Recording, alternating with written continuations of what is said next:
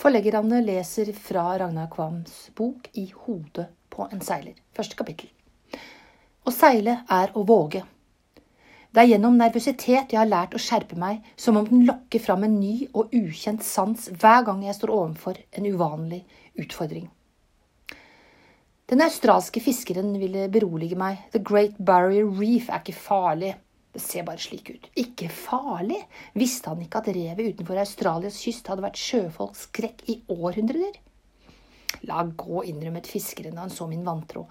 La gå at tidevannsstrømmene kan bli nokså sterke. Jeg så på ham. Han hadde fisket på barriererevet et helt liv og kjente dens luner. Jeg, derimot, skulle gi meg i kast med det forræderske farvannet for første gang. Kommer du deg bare gjennom dette nåløyet, går resten av seg selv, drev han på, ivrig pekende i sjøkartet.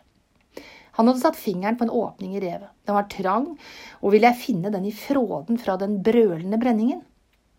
Kartet inneholdt dessuten opplysninger om at målingen ikke var uttømmende, og at farevannet derfor kunne inneholde skjulte farer. Jeg befant meg i eh, Mololoba, en badeby like nord for Brisbane. Jeg skulle ha seilt for lenge siden, men eh, det hadde tatt tid å gjøre båten klar. Tusenvis av nautiske mil over Stillehavet fra Alaska til Australia hadde satt sine spor. Under normale omstendigheter eh, ville ikke de mange utsettelsene betydd noe. Det var fortsatt lenge nok til orkansesongen satte inn, men jeg hadde dårlig tid av andre grunner. Sissel, som hadde seilt med fra Alaska, hadde reist hjem til Oslo og ventet. Hun eh, skulle ha termin, og jeg ville vært til stede under fødselen. Mens jeg ennå hadde god tid, bestilte jeg billigbillett fra Darwin på Australias nordkyst. For å nå dit måtte jeg først seile drøye 2000 nautiske mil, og da jeg omsider kom under seil den første dagen av august, var det bare tre uker til flyet gikk. Halsløs gjerning. Mine venner i Mololoba yachtklubb mente det, ikke minst fordi jeg skulle seile alene. Flere av dem hadde eh, selv tilbakelagt strekningen, og jeg måtte ikke tro på fiskere deres stolthet hindret dem likevel i å snakke om farer. Og det er noen gang seilt gjennom Torrestredet, som ikke er mindre beryktet enn Barriererevet. Det ville jeg i tillegg til rev og, der ville jeg i tillegg til rev og kraftig tidevann møte tett skipstrafikk. Og hadde jeg ikke tenkt å sove? Sove, jo, selvfølgelig skulle jeg sove, selv om det bare ville bli en høneblund i ny og ne. Men akkurat det bekymret meg ikke. Jeg hadde god trening fra lange soloseilaser. Den beste ruten for en som vil seile fra Brisbane og nordover, går innaskjærs, i et godt merket led mellom barriererevet og kysten. Ruten er spektakulær og fristende, men et mylder av øyer og undervannsskjær krever hyppige kursendringer. Farvannet egner seg derfor dårlig for nattseilas, særlig for en aleneseiler. Tvunget til å ankre om nettene, så vil jeg miste, miste verdifull tid. Jeg kunne også seile til havs og gjennom det langt bredere Bligh Entrance nord for barriererevet.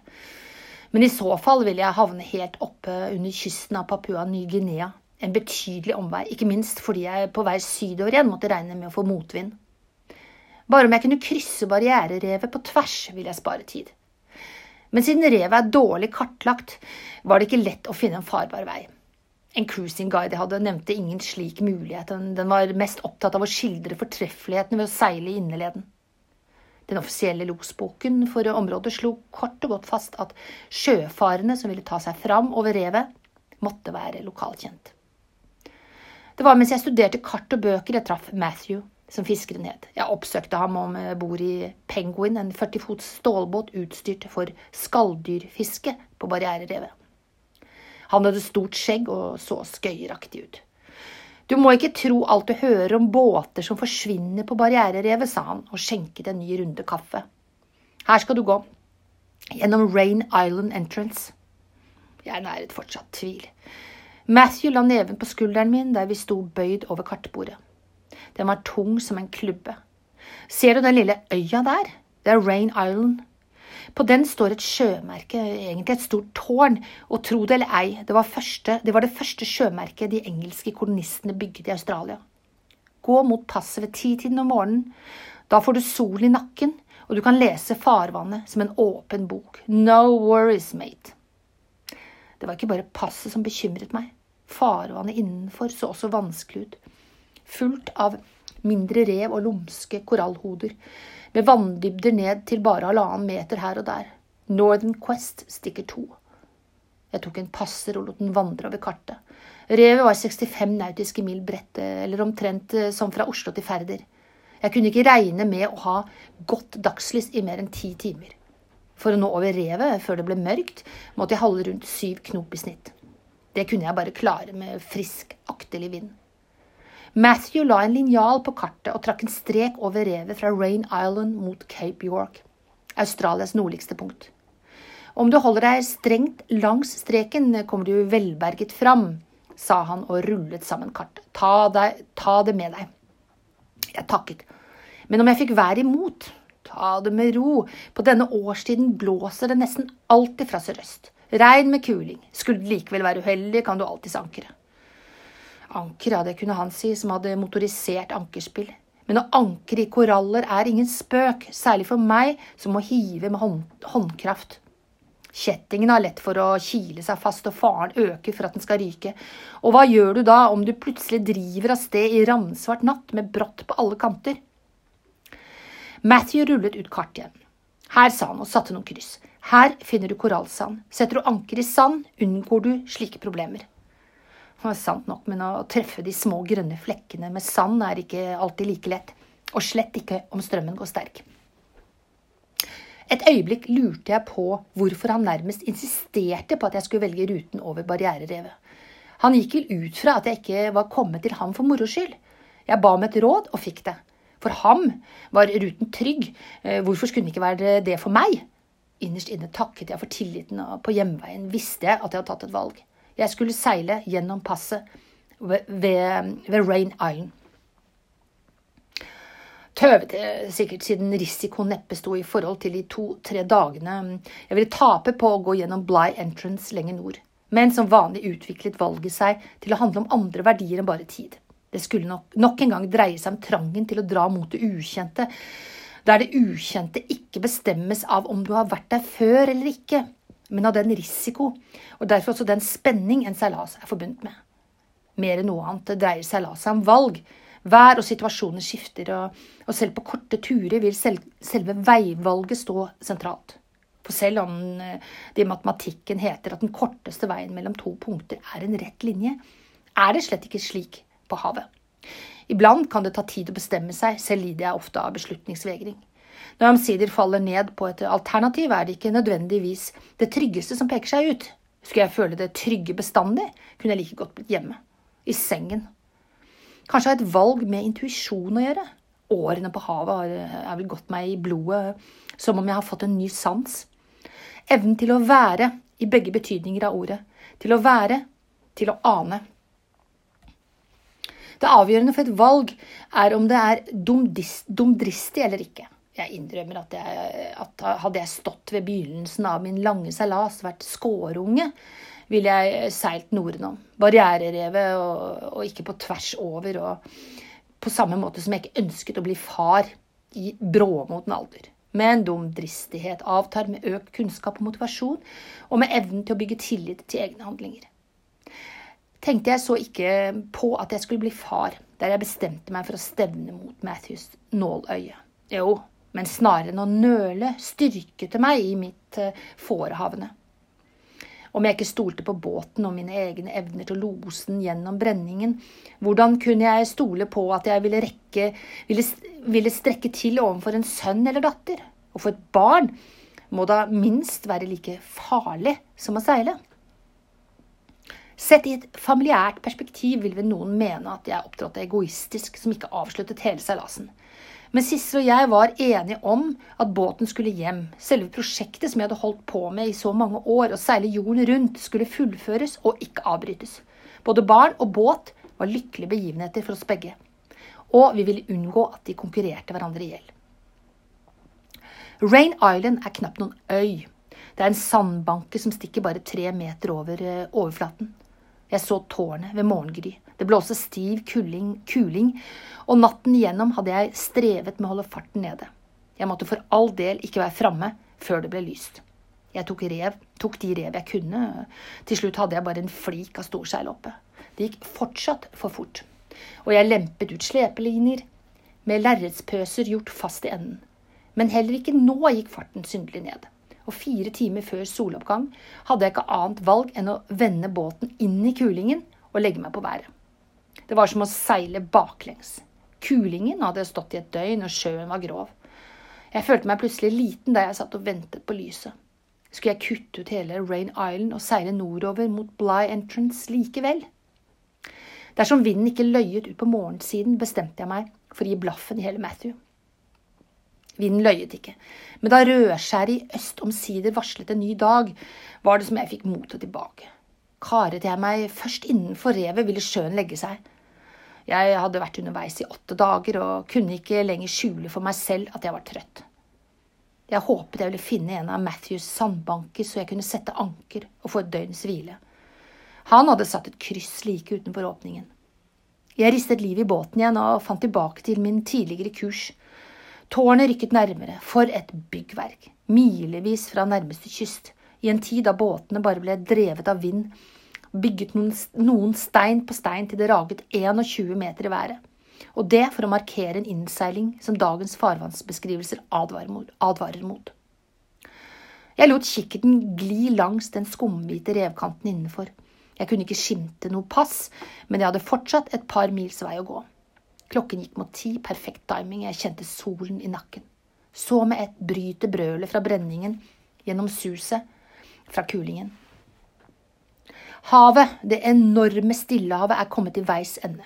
Med all sin oppsamlede kraft skyller bølgene innover The Great Barrier Reef, der de etter storartet eksplosjon sykner hen og dør. Det er lyden fra disse eksplosjonene som når meg, og som igjen gjør meg urolig.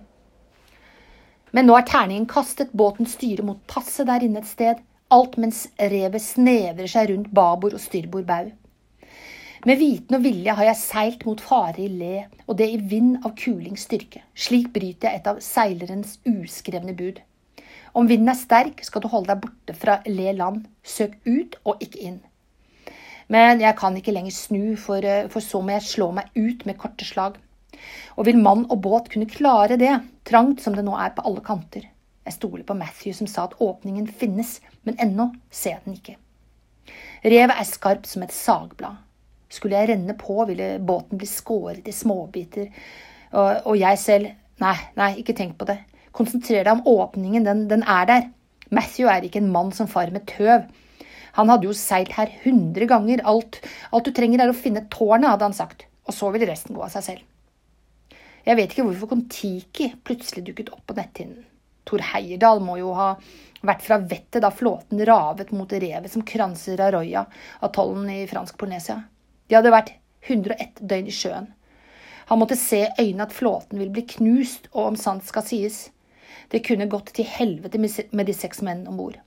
Men Heyerdahl hadde ikke noe valg, han klarte ikke å styre flåten klar. Selv hadde jeg et valg. Båten var i tipp topp stand, og jeg kunne seilt nordenfor. Men jeg ville vinne tid, og så var det spennende. Derfor eh, styrte jeg mot revet. Der Matthew hadde sagt at det fantes en revne. Jeg stolte blindt på min usynlige los. Så er åpningen der. Jeg kan se den. Det hvite kavet brytes av irrgrønt. Den ser ut som en stor, gapende kjeft, som en løve som flekker tenner. Midt i, hadde Matthew sagt. Seil midt i, for der er det dypest. Og med nevene godt fattet om rattet styrer jeg mot midten. Bare små bevegelser nå, ikke, ikke for mye ror. La båten selv finne en vei gjennom den urolige strømsjøen. Jeg har bare én ting å passe på. Jeg må unngå jibb, for da kan båten skjære av gårde. Skjønt ikke Northern Quest, tenker jeg, en smule hovmodig. Den går jo som tog på skinner. Ekkoloddet slår inn bare i løpet av noen kabellengder stiger bunnen fra 1000 meter 100 til 50, 12, 8. Ingen fare så langt. Jeg har solen bak meg, og jeg kan lese farvannet. Mørkegrønt er dypt, lysegrønt er grunt. Bare når vinden lyser nesten hvitt, er det så grunt at jeg må styre unna. Passet er dypt nok i massevis, og det, det går raskt å komme innenfor. Fra opprørt hav til stille vann på bare noen minutter. Det er som å legge hodet på en dundyne. Vinden står, det er så, fortsatt kuling, men det er ikke vinden som er verst. Vinden er jo en seilers eneste sanne venn. Nei, det er bølgene, den evige rullingen. Det er sjelden jeg har savnet noe ute på havet, men det hender jeg lengter etter flatt vann. Om ikke for annet, så for å kunne sitte ved bord og spise, eller, eller ta en strekk på dekk uten å falle i sjøen. Jeg trenger å sove og bestemme meg for å sette anker. Rett på innsiden av passet stikker en sandbank i hodet opp av vannet. Det er Jukes Reef. Der er det fint å ankre, hadde Matthew sagt. Jeg styrer dit. Jeg ser eh, fort at det ikke går. Strømmen rundt revet er stri som en foss. Dessuten er vannet grunnere enn jeg liker. Og ankeret er en av de viktigste manøvrene om bord. I den grad det er mulig, anker jeg ikke dersom jeg føler det er utrygt. Hvordan bedømmer jeg om det er trygt eller ikke? Jeg bruker magefølelsen. Hvis jeg føler den minste usikkerhet, seiler jeg videre. Jeg studerer kartet, og omkring fem nautiske mil lenger vest lå et annet rev som kanskje kunne egne seg. Der hadde Matthew ikke satt noe kryss, men han hadde vel ikke vært eh, overalt heller. Og, og når han kunne anbefale ubrukelig Jukes Reef, kunne han egentlig anbefale hva som helst. Han hadde ført meg trygt gjennom passet, og jeg var takknemlig for det. Men jeg innså at heretter ville mine egne råd og vurderinger være vel så gode som hans. Jeg ga seil og styrte mot neste rev. Det så ikke mye bedre ut der. Strømmen li gikk like stri. Men nå hadde jeg innstilt meg på å sove, og jeg var villig til å ta sjansen. Jeg så etter litt sand og anker i, men, men fant ingen. Bunnen var dekket av koraller, og jeg lot kjettingen rause. Problemet med å få det opp fikk jeg ta når tiden kom. Inntil videre kunne jeg i alle fall glede meg over at ankeret satt. Jeg skjenket rom i en kopp og satte meg i cockpiten. Uroen vek for ro. Jeg var både stolt og glad. Jeg, jeg hadde, syns jeg, vist godt sjømannskap alene gjennom brenningen. Jo da, jeg tømte koppen og la meg på køya. Jeg sovnet straks. To, ti to timer senere krøp jeg fortumlet opp på dekk. Jeg hadde våknet av en uvant lyd. Uvante lyder på en seilbåt varsler sjelden godt. Det var en brummende lyd. Det kan brumme når ankeret dregger, og jeg sjekket ankeret. Det satt som det skulle så kom kanskje ikke lyden fra et spent eh, så kom kanskje lyden fra et spent tau som vibrerte i vinden. Jeg kikket opp i riggen, men heller ikke der så jeg noe som kunne forklare lyden. Nå, så må det ha vært radioen. Den sto som vanlig på kanal 16, og så har den vel spraket litt slik den pleier. Jeg var jo ørska, så det var kanskje ikke så rart at jeg reagerte som jeg gjorde. Anker, jeg begynte visst å bli paranoid. Men så var den der igjen, først fjernt, så nærmere. Jeg myste, og da så jeg det. Et, et fly på vei mot båten i lav høyde. Hva skulle jeg gjøre? Vinke? Jeg vinket. Flyet begynte å sirkle over mastetoppen. Det var tydelig kapteinen ville meg noe. Og nå ble det lyd i radioen. Sailing vessel, sailing vessel, this is the American this, Not American, this is the Australian Coast Guard. Do you read me? Den australske kystvakten. De gutta der eh, er jo et slags havets politi, og hadde jeg gjort noe galt, jeg kunne ikke skjønne hva det skulle være. Seilingstillatelsen min var gyldig i to måneder til. Og ikke hadde jeg stukket fra regninger i Mololoba heller. Ja, jeg hører dere. Vi vil gjerne ha båtens navn og hjemmehavn, please. Northern Quest, Oslo. Hvor mange personer er det om bord? Én. Bare én? Ja. Pause. Hvor kommer du fra, hvor skal du? Jeg svarte very well, sir. Saken er den at du eh, kan ikke ligge her. Revet er forbeholdt vitenskapelig forskning. Du må flytte båten. Flytte? Jeg svor. Her hadde jeg nettopp sovnet etter en beinhard seilas, og så måtte jeg flytte båten i, i den vinden. I kartet sto det ikke et ord om at revet var reservert for andre. Jeg viste til den kraftige vinden til at jeg hadde en hard seilas i kroppen, og at jeg var alene om bord. Jeg ba om eh, henstand til neste morgen. Da skulle jeg likevel fortsette til Darwin. Radioen ble taus, jeg hørte bare lyden fra vinden i riggen og flyet som fortsatte å sirkle. Det gikk noen minutter. Northern Quest? Yes, sir.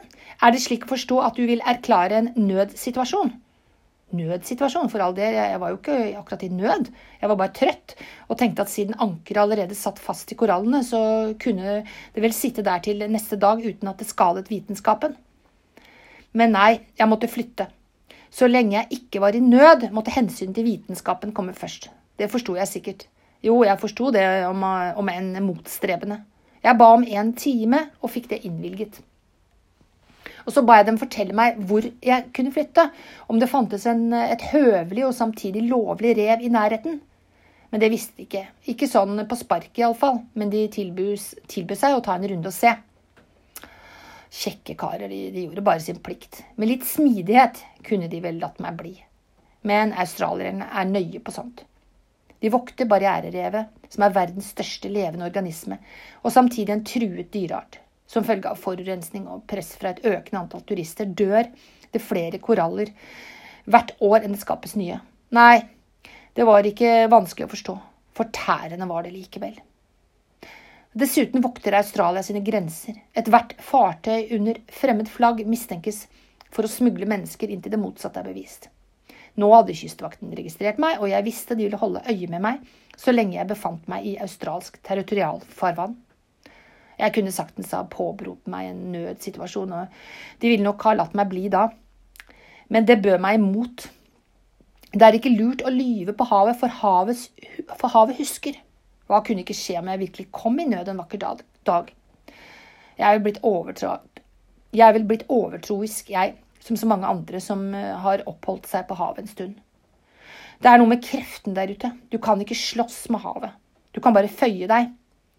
Flyet kom tilbake. Kapteinen sa jeg kunne ankre ved et rev tre nautiske mil i sørvest. Jeg hadde vært uheldig. Jeg hadde slått meg til ved det eneste revet der det ikke var lov bannende og med adrenalin sivende rundt i kroppen, fikk jeg ankeret opp uten problemer. Så seilte jeg til revet i sørvest og slapp ankeret på nytt. Det skulle jeg visst ikke ha gjort. Jeg ville sove, men ble sittende oppe hele natten. La gå at strømmen kan bli ganske sterk, hadde Matthew sagt. Så men. Det begynte etter solnedgang. Til tross for kulingen la en Plutselig strømsetting båten på tvers av vindretningen. Snart fosset det som en elv rundt meg, og i, i mørket som så lett fortegner all virkelighet, fikk jeg følelse av å sitte i en av de barkebåtene jeg spikket som gutt, og som jeg i øse pøse regnvær sjøsatt i rennesteinen utenfor huset der jeg bodde. Jeg kjente hvordan vannet tok tak i barkbåten og lot den danse nedover fra virvel til virvel bar det snurrende rundt og rundt, inntil vi endte nederst, der sluket var og jeg måtte hoppe ut av den vesle båten for ikke å følge med i kloakken. Og det var mens jeg hoppet jeg kjente det smalt første gang, braket når en båt går på grunn, som barkebåten danset også Northern Quest fram og tilbake i strømvirvlene, til kjølen plutselig kom bort i et korallhode.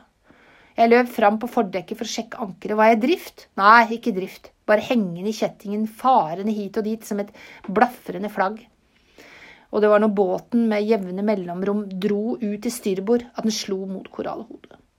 Hva skulle jeg gjøre? Under normale omstendigheter ville jeg tatt anker og seilt, men det var ikke normale omstendigheter. Slik strømmen gikk, var det fare for at jeg ville havne på selve revet om jeg lot gå. Og slapp jeg likevel forbi, ville jeg fortsatt være et lett bytte. Skjærene lå tett som hagl bortover. I mørket ville jeg i høyden kunne høre dem gjennom den sterke vinden, ikke se dem. Jeg kunne ikke annet enn toe mine hender og håpe at kjølen ville holde. Jeg hadde kjøpt båten ny, og jeg husket båtbyggerens ord. Kjølen sitter fast med 13 kraftige bolter, den, den faller aldri av. Siden du skal seile så langt, har vi også forsterket skroget under vannlinjen. Det er 40 millimeter tykt. Vekten er økt med et par hundre kilo, men du har fått et panserskip. Det var ord som ga ro i sjelen akkurat nå. Seilere er opptatt av å spare vekt for at det skal gå fortere. Det har jeg også vært. For foran en ferdig seilas tok jeg ut hvert overflødige gram. Men en jordomseiling er ingen ferdig seilas. Det er en langvarig styrkeprøve der sinn og redskap bøyes, og der humøret er avhengig av at utstyret holder. Likevel, jeg, jeg kunne aldri vite, det var ikke tid for storsnutethet.